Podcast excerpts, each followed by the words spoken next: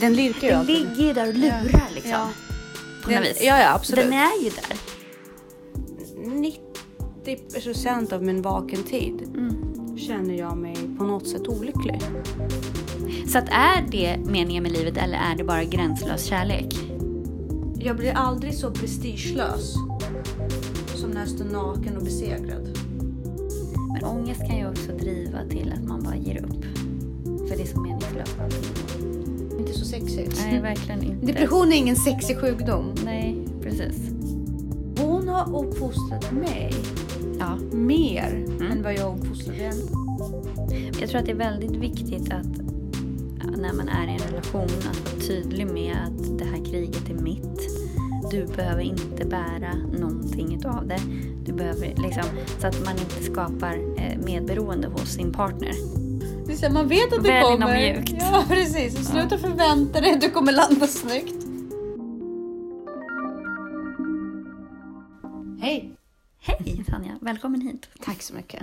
Det så mysigt i ditt sovrum. Jag börjar verkligen känna mig som hemma här. Ja, bra. Du är typ den enda kompisen som jag kan säga det till. Va? Jag känner mig som hemma i ditt sovrum. Tar du som en komplimang. Jag gör det. Hur är det? Hur har veckan varit? Ah, Ja, det har varit en eh, full, alltså full fart känner jag. Tillbaks till jobbet, rutiner sätter sig. Inte utan en viss glädje. Nej? Det är ganska skönt att sätta nya rutiner.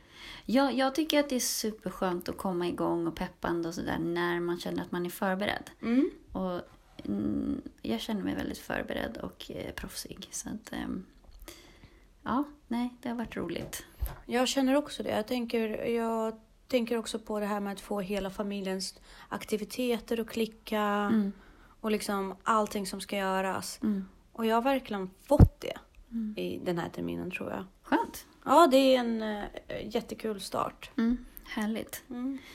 Du, eh, vi pratade ju lite negativitet förra gången. Ja, Eh, så att vi ska väl spinna vidare lite på det. och toppa det med. Depressioner. Ja!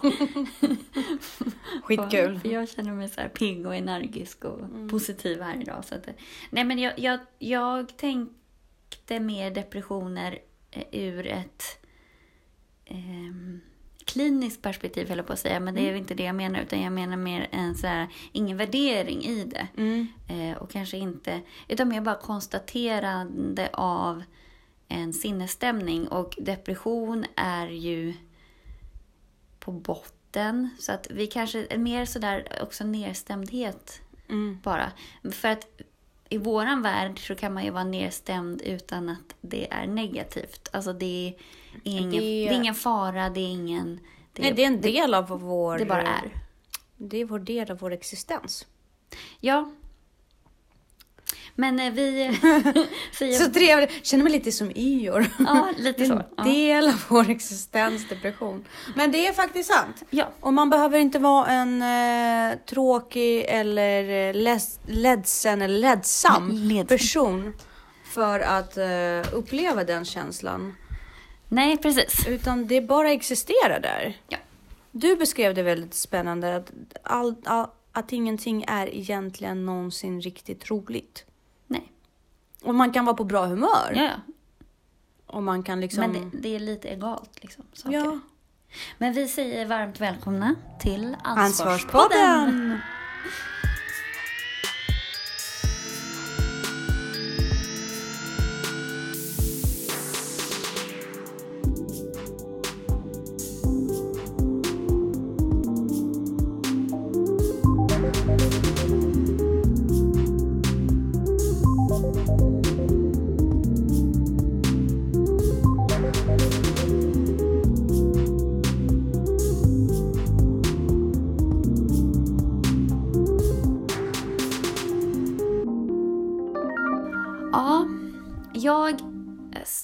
Tittade eller såg eh, Nour El Rafais, jag gillar, älskar henne jättemycket, Mm. hennes föreställning eh, En komisk depression. Ja. Och hon är ju diagnostiserad med kronisk depression. Mm. Eh, och hon beskrev det pratade ju om det på ett väldigt liksom, Jo, humoristiskt sätt. Ja, men också Som hon gör. mer sådär konstaterande på något vis. Alltså, en del blir ju superrädda Mm. och obekväma om du säger depression. För då tänker man sig någon som liksom eh, bor i en knarkarkvart och ligger och stirrar in i en vägg. Och Precis. liksom inte har tvättat sig på tre månader. Precis. Det är inte riktigt så. Det kan ju vara så. Eh, Men det finns så många olika uttryck för nedstämdhet och Mm. Depression. Och jag tänker att det här hänger ju också samman med att känna mycket överhuvudtaget. Och det finns ju de varianterna av ADHD där problemet är inte koncentrationssvårigheter. Problemet är att eller man tappar inte koncentrationen för att man inte kan sortera intryck eller sådär. Utan det är för att det som distraherar en är ens känslor. Ja. Att nedstämdheten tar över. Så att man kan inte koncentrera sig på skolarbete eller man kan inte koncentrera sig på det man ska göra. Man kan fortfarande prestera. Det är oftast, det här är oftast tjejer Ja. och det här är också väldigt högpresterande tjejer. Mm. Jag har, kan nästan se det. mm, Mm. men de känner väldigt mycket också. Ja. Men jag tror att också för att klara av att hantera och leva med den här typen av känslor och så, så är det ju också lite det här att man måste ju vara ganska frank Mm. med känslor. Ja. Och det är ju både du och jag, är ju det. Ja. Alltså vi säger ju, alltså vi har inte tid. Eller ork. Eh, Att, att sticka Att- under stolen med det? Nej men att dalta eller Nej. så. Utan, och jag tror inte heller vi riktigt förstår varför man ska spela spelet heller. Nej. Utan mer sådär, här mår jag dåligt, Ja. då går jag härifrån. Ja. För vi har liksom inte, inte värt det att må dåligt. För man mår dåligt så mycket som det är. Det, som, vi, att- som vi får dras med i alla fall. Ja, Ja. men det, det finns ju den här paradoxen också som, som jag kan uppleva att liksom, även om grundinställningen är nedstämd så kan du fortfarande ha dina ups i det här på något vis. Och du kan vara euforisk och du kan vara glad och du kan vara energisk och du kan vara... Men Den lirkar ju alltid. ligger ju där och lurar liksom. Ja. På Den, något vis. ja, ja, absolut. Den är ju där. Men mina, mina mest lyckligaste ögonblick i livet, Mm. när jag kände mig som mest euforisk, mest uppåt och verkligen så här känner wow, I'm Mm. on top of my life liksom. Så har jag vetat, det, det har varit väldigt sorgligt samtidigt, för jag vet ju att jag kommer förlora det. Mm. Jag, jag kommer aldrig vara lycklig. Men jag tror det är därför också det är så för mig i alla fall, att jag blir så glad. Ja. Det är så värdefullt Ja, oh ja. när jag mår bra. Oh. Så att jag blir så tacksam för det. Och är liksom så, eh, Mm, försöker bara vara i det i stunden. absolut. För det är verkligen en ynnest. Absolut. Jag, är jag kan absolut vara en av de personer som går, lyssnar på min egen mus- musik, smådansar lite och beter sig lite tokigt. Men anledningen till varför man gör det, det är ju just för att du säger, alltså det är så sällsynt, det är så uppskattad och ingen, eller jag ska inte säga ingen, men, men jag generellt kan inte ens tro på att jag får uppleva de Nej. ögonblicken, Nej. för de är så sällsynta. Ehm, och angående att depressionen är alltid där subtil i ens liv. Alltså det är väldigt svårt att förklara det om man inte kan uppleva. Alltså jag har en man som jag, eh, som jag har en väldigt bra relation med. Mm. Jag har ett väldigt bra hem. Jag har det välställt. Ja, det finns ju en ingen anledning att att må fantastisk dåligt. dotter. Alltså riktigt bra. Mm. Men jag är en olycklig människa i grunden. Mm. Eh, jag känner 90 procent av min vaken tid Mm. känner jag mig på något sätt olycklig. Och, jag har, och på, på grund av det har jag också dåligt samvete. Mm. För att de är ju underbara och de gör sitt bästa för att tillgodose mina behov. De är verkligen fantastiska på många sätt och vis. Mm. Och jag får ångest över att jag, är- jag med dem är jag fortfarande olycklig. Mm. Men är det, är det olycklig du är? För det där är också spännande med definitioner och så. Jag har funderat på det mycket. Nej, jag är, jag är nog deprimerad, jag är inte olycklig. Nej, precis. Du är jag nog nog nedstämd bara. Nedstämd, Ja. liksom. Jag känner så här, men i grund och botten så har det här ingen mening. Nej, nej, men det, ja. Ja. Let's not go there. Du vill inte öppna den Pandoras ask. Ja. Ja, nej men jag tror att det är det som är, är kärnan i det på något vis. Att vad är meningen med livet? Och jag tror att tittar man på det för objektivt, det finns ju ingen mening och det måste man ju kunna erkänna också. Sen gäller det att skaffa sig mening. Jo, och för många är ju meningen barn. Många kvinnor går in, och många män går in att skaffa familj för att finna meningen med livet. Och de gör det. Jag personligen har inte gjort det. Men rent objektivt så absolut eh, människor, släktet ska leva vidare. Så att det, det är ju meningen med existensen. Men det fyller ju ingen mening egentligen. Tänker jag. Samtidigt som försvinner de barnen, liksom skulle mina barn försvinna, då försvinner ju meningen med livet. Men meningen med livet var ju inte de från början. Nej, på något sätt. men lycka, liksom att, alltså jag vet inte. Det, det enda som man håller kvar vid liksom, samtidigt måste du fortsätta leva, Ja. även om något... skulle hända. Ja. Fast eh, Så att är det meningen med livet eller är det bara gränslös kärlek? Ja, eh, så känner jag ju för min dotter. Mm. Jag älskar ju henne jätte... Alltså, du, som en mor älskar ett Ja, ja. Du vet, Ja, så. Det, det kan ju väldigt, väldigt många känna, som är föräldrar känna igen sig. Man, man ger allt. Mm. Det, är bara, det är bara så naturligt. Men det är samma sak som, du amputerar inte ditt eget ben. Nej. Du tar hand om ditt eget ben. Mm. Liksom. Det, det, är som, det är en känsla av att hon är min lem. Hon är förlängningen av min kropp. Och jag tar hand om henne lika mycket och mer än vad jag, vad jag gör med mig själv. Men den här känslan som jag har upplevt att många mammor uttrycker att den här, när jag håller det här barnet, det fyller mig med så mycket kärlek och allting bara tappas över. Och jag finner meningen med livet. Jag har aldrig haft den. Nej, jag kan inte säga att det är meningen med livet, men... Jag har ju känt mig överväldigad av kärleken. Men det, det är... Ja, men precis. Och meningen med livet kanske i och för sig är kärlek. Kanske. Vet Fast- inte. Ja. Eh, men det är en gränslös kärlek man känner och det är en, en otrolig lycka och en förmån att få vara mamma till de här två. Samtidigt som om jag inte skulle vara det så skulle jag ha lika mycket mening och lycka, hoppas jag. Ja, men det Alltså- vet man ju inte. Jo, men det måste vara så. Det kan ju inte vara så att folk, det är bara folk som har barn som känner genuin lycka. Nej, jag, jag, alltså jag vet inte det. Det vägrar jag att Nej, men alltså jag, jag vet inte. Jag vet att alla människor som inte haft barn och velat ha barn Mm. Har ju sagt att det har för, förfyllt deras liv. Jag har haft problem, vi, jag och Victor, vi har ju haft problem med att få Elisabeth. Vi, Mm. Det var ju kamp. Och jag trodde genuint att det skulle fylla min bägare Mm. och göra mig lycklig. Well, it didn't. Nej, men det gör det ju inte. Men tror du att det här har också med filosofisk förmåga på något vis? Vi är Alltså- för intelligenta för att vara lyckliga. Nej, nej, Säg som det är, det är det du menar. nej, absolut inte. Snarare tvärtom. Jag vet inte. Men jag tror att det finns nog en dimension i att tänka för mycket. Ja, jag tror det. Eh, och att tänka för mycket gör en ju lite olycklig. Ja, därför att man snuddar ju hela tiden. Man, alltså, eh, det är lite grann som att konsumera en omöjlig kärlek. Mm. Halva tjusningen är den omöjlig. Men för, för om du verkligen filosoferar över livet och ställer de här frågorna, vågar ställa de här Ja. frågorna och så, så är det ju... Det går ju inte att... Det finns ju inga svar. Nej. Det finns ju inga liksom... Och de svaren som får är inte så här jättepositiva. nej. Det, det är liksom, det, du, blir, du blir maskmat. Du lever ett liv, du kämpar. Ja. Du har en hel själslig värld inom dig.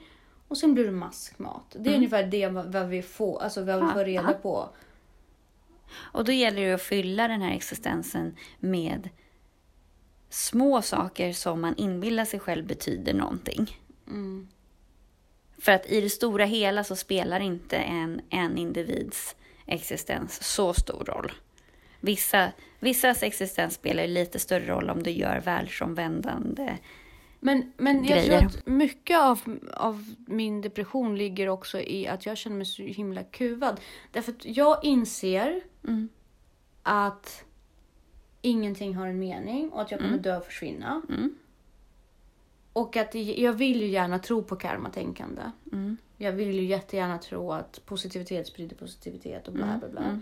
Men i grund och botten så tror jag att pessimisten i mig tror mer på att fysik, kemi, liksom, Mm. och sen är det över. att jag vet Mm. att jag kan vara gränslös. Men jag är ändå inte det på grund av normerna som trycker ner mig. Mm. Gör mig också väldigt kuvad.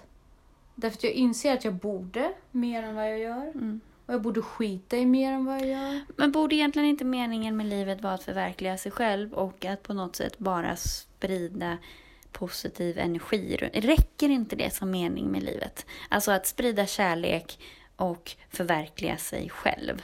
Jo, Alltså att du- bli, bli fri. men vi pratade om det förut. Alltså, i, på, på det sättet, då borde jag ta min underbara dotter Mm. och min fantastiska man och bara flytta till Indien. Ja.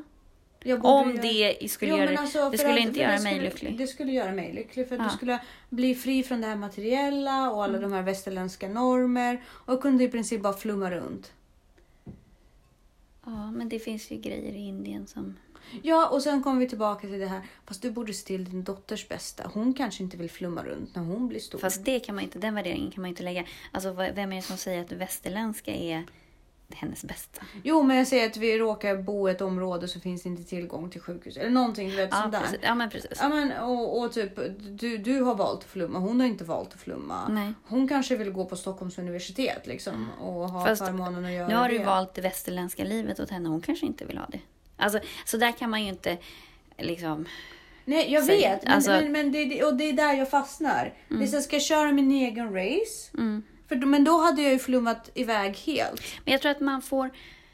Så länge de inte kan ta hand om sig själva så får man ju, då måste de ju inkluderas i ens egen tillvaro. Men sen gäller det att se till att de blir upplysta och starka och göra sina egna värderingar och tala om för dem att de är fria att göra som de vill och söka sin egen väg och uppmuntra det. Ja. Men du kommer ju alltid forma ditt barn. Ja. Och det, det... Och det är bland det mest egocentriska man kan göra, är att skaffa barn överhuvudtaget.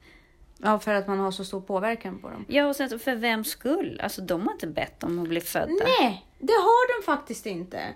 Och det, det är också en del av ångesten som jag insåg först efter hon föddes.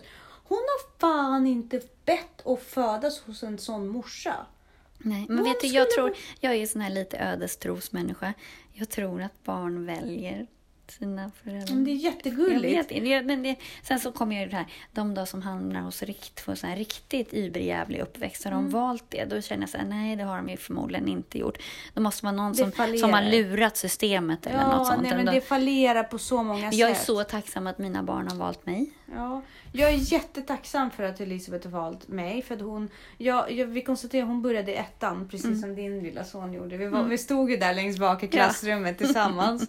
För våra små änglar har börjat i samma klass. Och, och jag insåg vid det ögonblicket, vilket jag faktiskt delade med henne sen vid middagen när vi firade henne. Att hon har uppfostrat mig Ja, mer Mm. än vad jag uppfostrade henne. gud ja. Alltså, mina barn är de två personerna som enskilt har lärt mig mest om mig själv Ja, och fått mig att utvecklas mest. absolut. Det av kan jag- alla människor jag har träffat på. Hon har gjort mig till den starkaste Mm. individen jag tror jag någonsin har kunnat bli. Mm. Det är, inte, det är inte mina relationer med mina föräldrar eller min man eller mina vänner. Nej, det är hon. Mm. För för henne kan jag gå, inte bara en extra mil, Mm. Utan hundra extra Mm. mil. Ja, Och det kommer kännas väldigt lätt. ja. Men det kommer inte vara meningen med livet. Jag kommer bara orka det liksom. Ja. Sen är hon fantastisk att lära känna och det är alla barn. Men tillbaka till depression. Mm. Det, den aldrig försvinner oavsett föräldralyckan eller partnerskap eller liksom pengar. Mm. Det försvinner inte. Den finns där. Mm. Och man trampas med det. Och det betyder som sagt, jag kan vara jag kan vara sällskapets själ. Liksom. Mm. Jag kan sitta och ha alla Mm. eh, allas uppmärksamhet vid, vid en bjudning eller en fest. Men det betyder inte att jag är lycklig av det. Nej, jag var sån förut. Jag har slutat med det. Ja, För att det är inte jag. Eller det är inte Mm. Jenny. Jag känner att det är så här... Tyvärr, så jag blir så ensam Mm. av sällskap. mm, Alltså så här, i de här, när jag sitter där och liksom mår toppen Mm. och har allas uppmärksamhet och så här. Det är de stunderna där jag känner mig som mest ensam och ledsen inombords ändå. För att jag vet att det här kommer sluta. Eller liksom, eller jag vet inte riktigt varför jag känner så. Men den tom, den, det kommer alltid en så stor tomhet i de lägena. Så jag försöker inte ens gå in i dem där längre för att det liksom... Jag känner mig så himla, alltså förlåt att jag kommer uttrycka mig lite grovt i våran podd, men så himla rövknullad efter det. Därför att det- jag, ja. jag, för att jag spelar, så- alltså inte spelar men jag lägger ut mig så himla mycket. Ja, Alltså gränslöst. ja men det är det där när man ångrar sig. Att Ja. man har sagt för mycket, att man har varit för personlig eller man har varit... Ja, precis. Alltså jag, nej det är nog en del av min personlighet, det är inte det. Men, men det känns, ja jo men. Jo men när man har sagt saker som man inte egentligen så här, varför skulle jag säga det? Ja, Varför ska jag berätta det? Varför skulle ja, jag dela det? Varför skulle jag... Och jag har slutat med allt sånt nu för att Mm. undvika den där tomheten. Och då känner man sig både väldigt blottad men också väldigt falsk Mm. på något sätt. Och, och det är För den- ingen, ingen bryr sig ändå. Liksom. Nej, men då spelar det ingen roll att man har sagt det i alla fall. Nej, jag vet. Och det är en Och det är det som är grejen. Vi tror att människor bryr sig mycket mer än vad de gör. Ja. Och sådär. Och då, då går vi, jag märker det hos dig också. Då, då har vi svårt att hitta det här. Men vart går gränsen? Ja, precis. Vart går gränsen mellan Mm. att ge allt eller ge ingenting? Ja. Ska man vara trevlig i personalrummet fast ingen bryr sig? Ja. Varför ska man göra det då? Nej, men så blir man så här besviken och så. Ja. Så då är det bättre att bara så. Men just det här skillnaden också på, det finns ju så många olika depression, eller mm, definitioner, men alltså skillnad på ledsamhet och depression är ju vad jag har förstått att i en depression så har ju tillståndet hormoniellt Mm. Förändrats, så att du befinner dig i ett nytt tillstånd, att en förändring har skett. Och där tänker jag också så här, folk som känner mycket Mm. eh, har ju förmodligen rätt mycket hormoner och turbulens i kroppen. Och då kanske man har en lättare... Ja, man har ett större spann av känslor. Ja. Det är Och därför då- vi väntar på klimakteriet. Så du inbillar att det blir bättre då, eller? Det är det hoppet jag har. Men det tråkiga är att, att de här... Att depressioner påverkar kroppen så mycket att den hamnar i ett nytt läge. Och inte bara hormonerna i hjärnan utan hela kroppen blir i obalans. Vilket kan ju till slut få eller leda till hjärtproblem. Mhm. Och så diabetes och inflammationer och sånt där. Det är ju lite ospännande. Mm. Men just det här med serotonin också. Ohot. Ja. Det är inte så sexigt. Nej, verkligen inte. Depression är ingen sexig sjukdom. Nej, precis. Men att, att eh, ja, serotonin påverkar jättemycket. Och i och med att det tillverkas i magen så gäller det att ha koll på magen Mm. faktiskt. Så att man det. inte blir deprimerad. Vi hade i skol... sko, äh, käkade du skolmaten idag? Nej. Nej, du gjorde inte det. Eh, jag valde att käka det fläskfria alternativet som blev vegetariskt. Mm. Som var sojabiffar. Mm. Och jag åt två. Mm. Och jag brände hela mitt kaloriförbruk Mm. för hela dagen. Soja är inte så bra för kroppen. Nej, nej, det är inte bra. Men jag tänker att det kanske var bättre än fet fläsk. Ja. Kalorimässigt för mig trodde jag det. Mm. Men jag borde bara käka det. Mm. Herregud vad vegetarisk mat är kaloririk. Eh, ja. Ja. Och rik på kolhydrater. Mm. Det var bara en parentes. Ja. Och soja gör en deprimerad också. Ja, exakt. ja, eller kan åtminstone påverka om man är känslig. precis. Eh, hormon. Men också det här just att det påverkar, nu har vi återigen den där dopamin och noradrenalin Ja. eh, triangeln. Och det, den är så, så viktig. Och just det här att, som både du och jag försöker ju manipulera den med olika... Substanser. Ja, nej, Nu lät nej, men det är, konstigt. nej men det är faktiskt så viktigt att hålla saker i schack och äta rätt och träna och så. Då slipper man ju ta mediciner. Mm. Precis. Och så är man också lite för trött för att tänka. Ja. För att det är det här tänkandet som, filosoferandet som Som gör att man skapar ofta... problem. Men det är mycket KBT i det också. Ja. Mm. Men också det här med kortisolet, alltså tankarna kan ju faktiskt påverka kortisolnivåer. Mm. Så att om du tänker hotfullt så upplever ju kroppen ett hot även fast det kanske inte är där, men det reagerar ju på ett hot. Mm. Och sen så påverkar det också i sin tur sömnen. Mm. Och så är man liksom, det är en sån ond spiral. Som man har känt av på sin kropp jättemycket. Och eh, jag har ju berättat. Min, våra lyssnare har ju följt min resa och Mm. liksom jag har gått ner massor. Mm. Och jag inser ju att väldigt mycket av min övervikt var ju depression. Mm. mycket av det. Alltså det är inte bara, det handlar också om kostvanor och sådär. Men det blev en snöbollseffekt som... Mm. Ja, och sen så blir det ju ätande är ju lugnande och tröstande. Ja, precis. Det var en självmedicinering också. Och sen så påverkas ju hormonnivåerna av fettinlagring. Så att har du lite mer fett så påverkas ju det. Så blir det bara som en Mm. ja, snöbollseffekt. men precis. Så där är också mm, varför jag brukar säga att det finns inga människor som är överviktiga som egentligen är glada och nöjda. Nej. Därför att ett, jag tror på riktigt inte att någon kan vara så över, alltså, överviktig Mm. och nöjd med hur den är, ser ut. Och det är en väldigt stor del av vår lycka. Hur vi ser oss själva. Ja, men framförallt så får du en annan hormonuppsättning. Och Och sen gör rent hormonellt också. Mm. Precis. Så, så kan man inte må bra av det. nej. Psykiskt heller. Eller jag vet inte. Men Nej, du har ju turen att inte veta det. Men eh, så, så jag tror inte det. För jag, när jag var överviktig så framstod jag som världens gladaste person. Med världens bästa självkänsla. Mm. Alltså jag var så här härlig, Mm. bullshit liksom. Mm. Fantastisk. Men det var ju aldrig så. Jag mådde ju hur illa som helst av att jag var överviktig. Och- Ja, men tror du inte igen... Jag vet inte, det är många som är normalviktiga och underviktiga som också mår skit. Jo, men, och det gör jag ju fortfarande på ett sätt. Mm. Bara, även om jag har blivit eh, mycket mer fit. Men det finns ju olika gra- grader av det. Mm. Då var jag ju... Då, kunde inte jag, då hade inte jag kontrollen om det. Nej. Nu har jag kontrollen om det. Ja. På ett helt annat sätt. Ja, men det är lite där hellre smal och ledsen än tjock och ledsen. Ja, men ja, definitivt. Och det, det, var, det är också tyglandet av fetman och den här kampen mot sig själv och mot sin kropp och mot sin psyke. Mm. Som också gör att man i slutändan man orkar leva med det. Därför att man vet att jag kommer kunna ta mig igenom det. Mm. Det var som att springa långdistans Mm. Och tycka det är jobbigt men vet att du klarar det för du har gjort det förut. Mm. Så man ger inte upp för att man vet. Kroppen har lärt sig. Mm. Kommer, det är som att ha ångestattacker Mm. och veta att du klarar dem. Mm. Samma sak är det att gå ner i vikt. Det är ett, ett sätt att få kontroll Mm. om sitt illamående. Mm.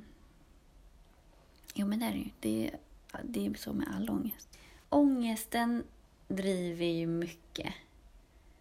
Men ångest kan ju också driva till att man bara ger upp. För det är så meningslöst allting ändå.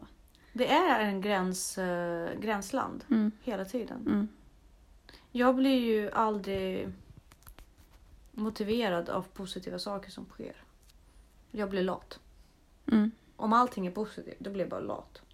För då känner jag att det finns ingen anledning för mig att göra något. För allt är Jo, så jag- nice. Jag är nog en sån som drivs av flow. Ja. Ju mer flow jag har, desto mer bara kör jag på. Liksom. Då är det roligt. Men får jag motgångar, då känner jag så äh, fan. Nej, flow driver inte mig. Därför att i flow, varför ska man ens utvecklas? Det är Jo, flowigt. för att det är så härligt att vara i flow. Ja. I motgångar känner jag bara så här, du har inte här att göra. Bara fly. Jag vet inte, jag tror att jag, jag, eh, jag är krigare. Mm. Jag måste ha krig. Jag utkämpar krig hela tiden. Jag kan ha krig med mig själv. Men jag kan inte ha krig under bedömning. Då flyr jag bara.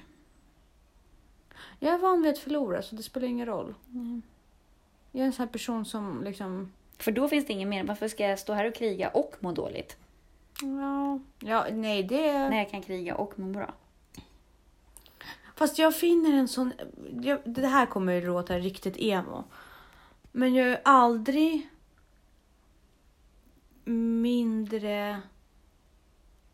Jag har aldrig...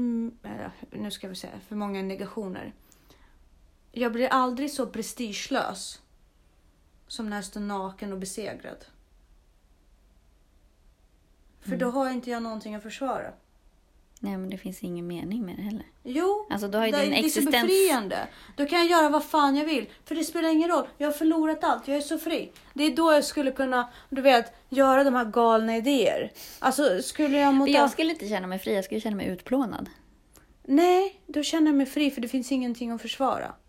Och finns ingenting att försvara, då kan jag bara göra. Ja, men då är jag ju utplånad. Nej. Spännande. Ja. Men jag tror att ja, det är lite sån där attityd jag behöver lära mig att på något sätt bara vara, att inte värdera. Ja. Men, men hur tar man ansvar för det här? ansvaret tar vi ju du och jag varje dag. Om det är någon som tar ansvar för, våra, för vår depression så är det ju fasiken du och jag. Nu, nu är det lite self-love här. Men Nej, det men- är ju så därför att jag menar oavsett Eh, du har varit under svåra behandlingar, jag har varit under svåra behandlingar. Vi har haft djupa depressioner, djupa perioder, eh, alltså väldigt mörka perioder i våra liv. Men vi, har, vi är ju de som kämpar mest. Alltså i, runt omkring oss. Jag tror att det är väldigt viktigt att när man är i en relation att vara tydlig med att det här kriget är mitt. Du behöver inte bära någonting utav det. Du behöver liksom, så att man inte skapar eh, medberoende hos sin partner. Utan snarare att det är okej. jag löser det här. Eh, du behöver inte må dåligt för min skull. För det är bara... eh, Alltså det räcker med att jag mår dåligt. Och jag kommer må dåligt. Jag kommer bli okej om ett tag. Bara...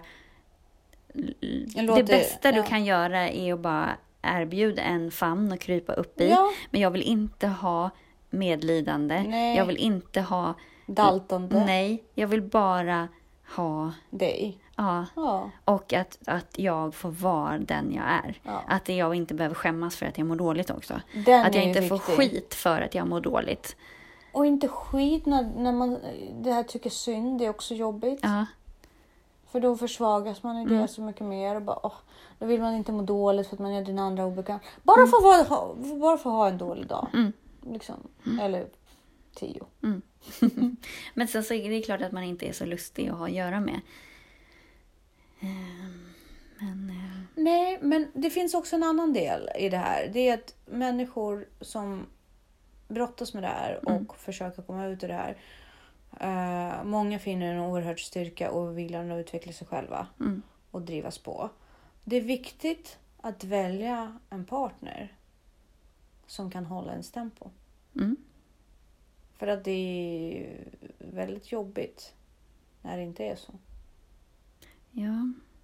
Men det är också viktigt att inte... Eller det är lätt. Alltså, Att man kräver för mycket av andra. nej men det är också lätt att hamna med någon som går igång på att vara medberoende. Och det är ju helt livsfarligt. Mm.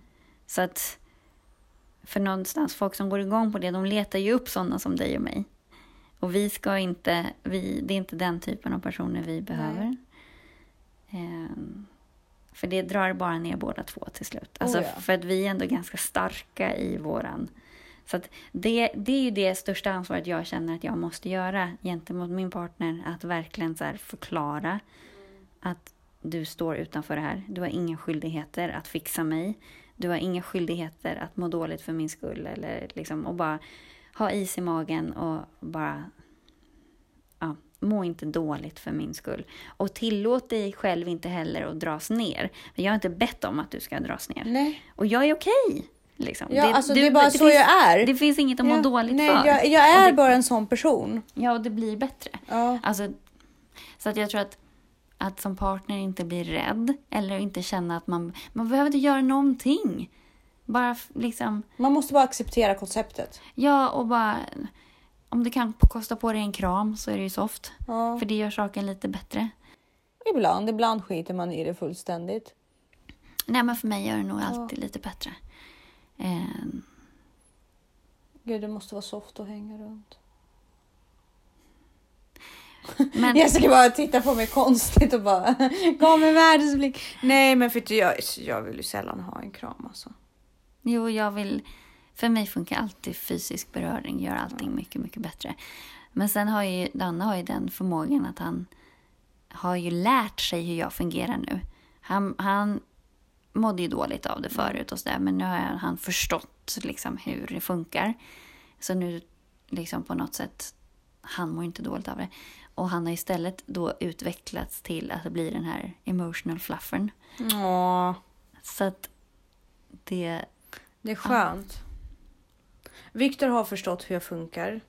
Han har dock förstått, inte riktigt förstått hur han ska trösta mig. Det, eller förstår Nej, du? ja. hur han ska Ja, bete men sig. Men han, han är på god väg. Mm, Han, han är i alla fall, det som är väldigt trevligt med honom det är att han har slutat bli rädd. mm. För men tillståndet precis. i alla fall. Ja, för att bli rädd eller bli neggig själv eller liksom bli negativt påverkad eller så här, om du mår dåligt så mår jag dåligt. Det är det absolut sämsta. För Mm. Oh, då är det ja. så här, okej fine. Det räckte inte med att jag mår piss Exakt. för att jag mår dåligt utan jag ska må dåligt också för att du mår dåligt för att jag mår dåligt. Exakt. Bara. Den är ju jättejobbig. Ja, den är jättejobbig. Så ska man till slut då vara stressad över att man förstör hela sin relation Mm. och förstör och påverkar alla andra. Då blir det ju att man istället inte vågar visa att man mår dåligt utan då håller man ju god min. Ja Och Mm. så pratar man inte om de här sakerna med sin partner vilket betyder att man i slutändan stänger ute den från Ja. 20% av sitt liv eller vad det nu kan vara. Ja. Eh, vilket inte, det är inte bra för någon relation heller. Utan demonerna måste få finnas där. Men vi bryr oss inte så mycket om dem. Nej, vi, vi, vi, bor i en existens Ja, där vi ser någonting annat. ja. Och man behöver inte göra det större än vad det är. Nej, det bara det är är. som att vara psychic. ja, låt det bara passera. ja, Liksom. Vissa människor ser spöken. Mm, Eller typ andar och Mm. grejer. Och, och de har ju lärt sig att leva med. Mm. Don't do... Så här, oh, don't overdo it. Alltså du Mm. ser dem inte, de påverkar inte dig. nej, Jag ser dem, det påverkar mig. Men jag Mm. hanterar det. ja, precis. Lite så. Ja, men det där är också spännande hur man uppfattar. Vissa blir ju urstressade så fort man säger ordet depression. Och det är så Ja. negativt och det är så... Och det handlar ju mycket om rädslor, tror jag. Det är viktigt att förklara för alla som omringar en. Det är ens ansvar. Mm. Därför att alltså, om man nu utsätter dem för det. Ja, men det får man inte göra. Nej men det kan man ju göra. Ja, det, de flesta gör det. Ja, men man får, det får man inte. Nej, man får inte. Jag, jag har ju tyvärr inte full kontroll så jag brukar utsätta folk för mina ups and downs ibland. Mm. Men när jag gör det, eller när jag ser att jag, kommer, att jag har gjort det med en person. För det första så kommer jag alltid med en bruksanvisning. Mm. Jag kommer med en bruksanvisning. Jag brukar berätta för folk att jag funkar inte som alla andra i vissa avseenden. Och sen så tror inte folk på det för jag är så glad och hurtig. Mm. Och sen så får de uppleva det. Sen smäller det. Nej men det är när, och sen när de kommer jag bara, det beror på hur nära du kommer mig. Mm. Och sen så smäller det. Och de bara, Jag väntar fortfarande på den där smällen. fast du måste ha märkt. Du har aldrig smält mot mig. Nej nej men du måste ha märkt att du är ett psykfall. Alltså på ett sätt liksom som många andra inte är. Alltså du får ju se vad jag har för normer. Liksom. Jo, Vad är mina... jo men ja. Nej jag har inte smällt mot dig men det, är inte, det handlar inte bara om smäll. smälla. Det handlar också om att jag kan vara så här vimsig och glömma saker. Och så här. Det gör väl. Planera Det där är så spännande för man tror ju också att alla är som en själv. Jag tror ju att de flesta kan relatera till att vara, alltså må dåligt och sådär. Men det är, alltså återigen, jag har ju en partner som aldrig mår dåligt. Det här, det här är så världsfrånvänt för honom Ja. så att Men det måste också vara så att du inte riktigt tror på honom heller. Jo, men jag börjar tro på Ja, honom du- för jag har en pappa som heller aldrig någonsin mår dåligt. Men är det att de aldrig, aldrig mår dåligt eller att de är män? Skulle det hänga ihop? Ja, Okej. för de skulle inte... Ett, de skulle inte lägga så stor vikt vid det. Nej. Men det finns ju massa män som mår dåligt. Jo, men de har ju inte östrogen tänker jag. Men du kan ju bli deprimerad av låga testosteronnivåer och sådär också. Det finns ju massa, alltså självmordsstatistiken bland män är ju jättehög. Ja, men det är bara för att de är också mycket mindre riskaverta. Eller mer, vänta, riskavärt, det är när man tar risker. Nej, riskavärt är när man undviker Inte när man. Ja. undviker. De är, i- Men de jag är ju mer- jätterisktagande. Jag är, jag är, Danne är den riskaverta av oss två. Och han är för sig inte så risk... Han är ganska risktagande, men det säger mer om mig. Jo, absolut. Men du, men du kan inte räkna in dig själv i statistiken. Du toppar och dalar, okej? Mm. Jag pratar om så generellt. Okej. Generella nivåer. Men män tar mycket mer risker, vilket innebär att de, de är mer impulsiva. Mm. Vilket innebär att de handlar i ögonblickens, liksom så här, man krossar deras hjärta, de hoppar från ett berg. Mm. Lite så. Vi, vi tar ju faktiskt och tänker till. Mm. Sen, jag vet inte, det kan också ha att göra med att vi tål mer. Men jag känner massa män som mår dåligt. Men hur dåligt mår de? Jo, men som är så ältiga och alltså år ut och år in mår dåligt. Aldrig land, alltså nästan så att jag blir trött på dem. Ja. Och bara, men ryck upp, du måste göra någonting åt det. Nu har jag fastnat i någonting.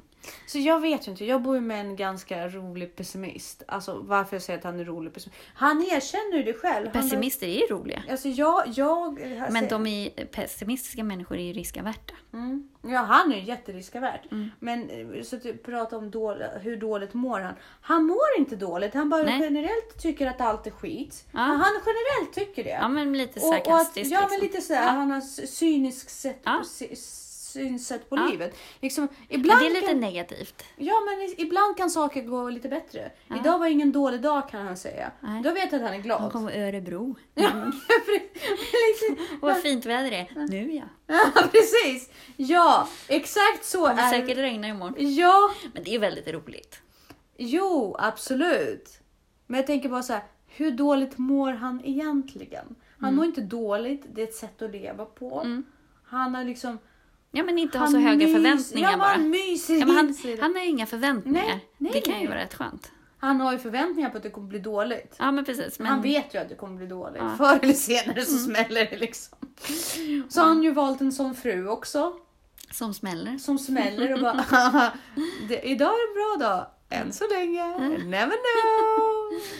Ja, Och liksom sådär. Så jag vet inte om ältande hos män är att Mm. de mår dåligt eller bara de är pessimister. Det finns Ja, kvinnor ja. som också är pessimister men mår de dåligt? ja. Det är det som är det intressanta. Lider de Mm. av depression eller är de bara sådana människor? Men det är skillnad också på negativ energi och, och Depression. nedstämdhet. Ja. Liksom. Precis. För negativ energi... Jag upplever ändå att nedstämdheten, om du tar ansvar för den. Jag upplever att min nedstämdhet till exempel. Alltså folk med negativ energi, de sprider ju den medvetet. Jag försöker ju gömma min nedstämdhet Mm. Exakt. och inte smitta någon annan med den. Mm. Sen så kanske jag inte hoppar på alla förslag Mm. som dyker upp, men jag försöker undvika. Vi vill ju vara glada. Ja. Det vill ju inte de. Nej, precis. De vill ju vara... De vill ju gärna att andra ska Ja. vad dåligt. Ja. Ja.